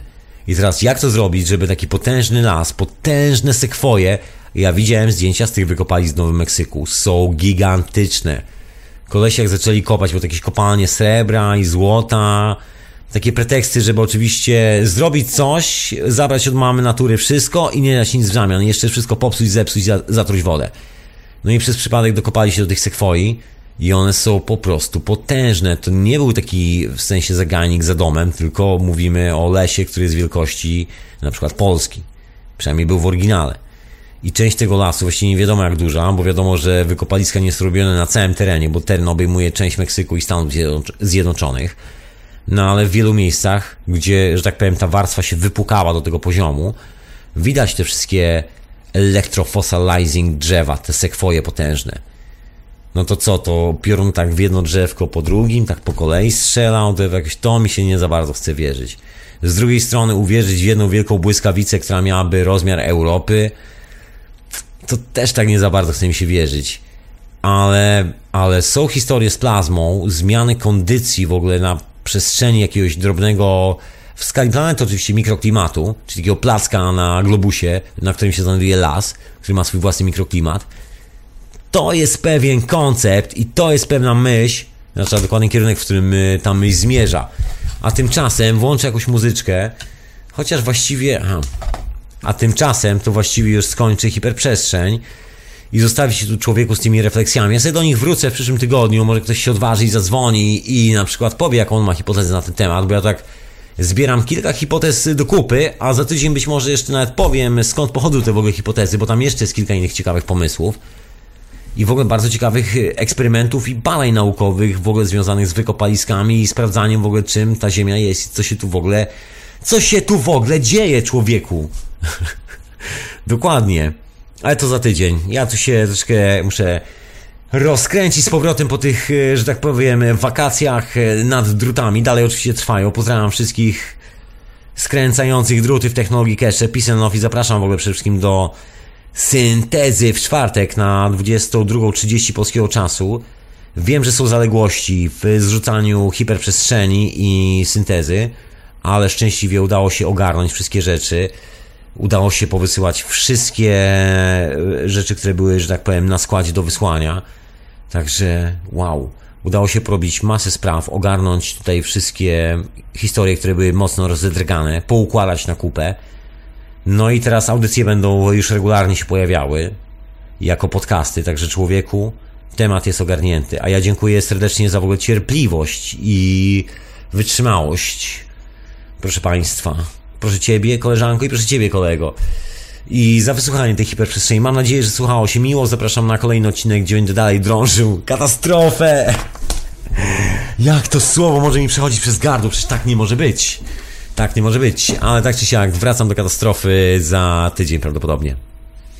Y, z katastroficznym pozdrowieniem z hiperprzestrzeni pozdrawiam wszystkich słuchaczy Radia Paranormalium i Radia Dreamtime i ciebie mecenasko i mecenasie Radia na Fali, a szczególnie ty wpłacający na polskie konto, którego ci jeszcze nie wymieniłem i nie wypisałem, ale już mam i, i dosłownie jak tylko, jak tylko znajdę chwilę, żeby wreszcie usiąść i wziąć się do roboty nad radiem, to od razu wrzucam i ci dziękuję serdecznie. Także dzięki wielkie. And love człowieku. Dzięki za w ogóle samo słuchanie, niezależnie od wspierania i niewspierania, to naprawdę nie jest aż tak istotne, chociaż się przydaje, bo dzięki temu działa i zapraszam na wieczorową porę, zapraszam do moich pozostałych kolegów, czyli do księcia Edwarda w środę. Właśnie, mam zaległy odcinek etykiety księcia. Też muszę się z tym ogarnąć. Kurczę, a się zaległości porobiły straszne. Pozdrawiam księcia serdecznie i pozdrawiam ciebie, słuchaczko i słuchaczu słuchający tego offline, jak już jest po wszystkim. I ty sobie teraz słuchasz i szydzisz. Ha, ha, ha, że był taki zator a ty już masz wszystko w swoim e, urządzonku i możesz sobie posłuchać spokojnie, jadąc gdzieś, gdzieś przez e, tą planetę, albo może nawet latając gdzieś pomiędzy wymiarami. Kto wie, człowieku, kto wie. Piękną katastrofę mamy w tym roku, piękną. Także w tym katastroficznym nastroju żegnam Cię i do usłyszenia w czwartek w syntezie, jeżeli chcesz wpaść. I oczywiście zapraszam do kolejnej hiperprzestrzeni w Radio na Fali. Peace and love. Pisano, słuchałeś radia na fali.com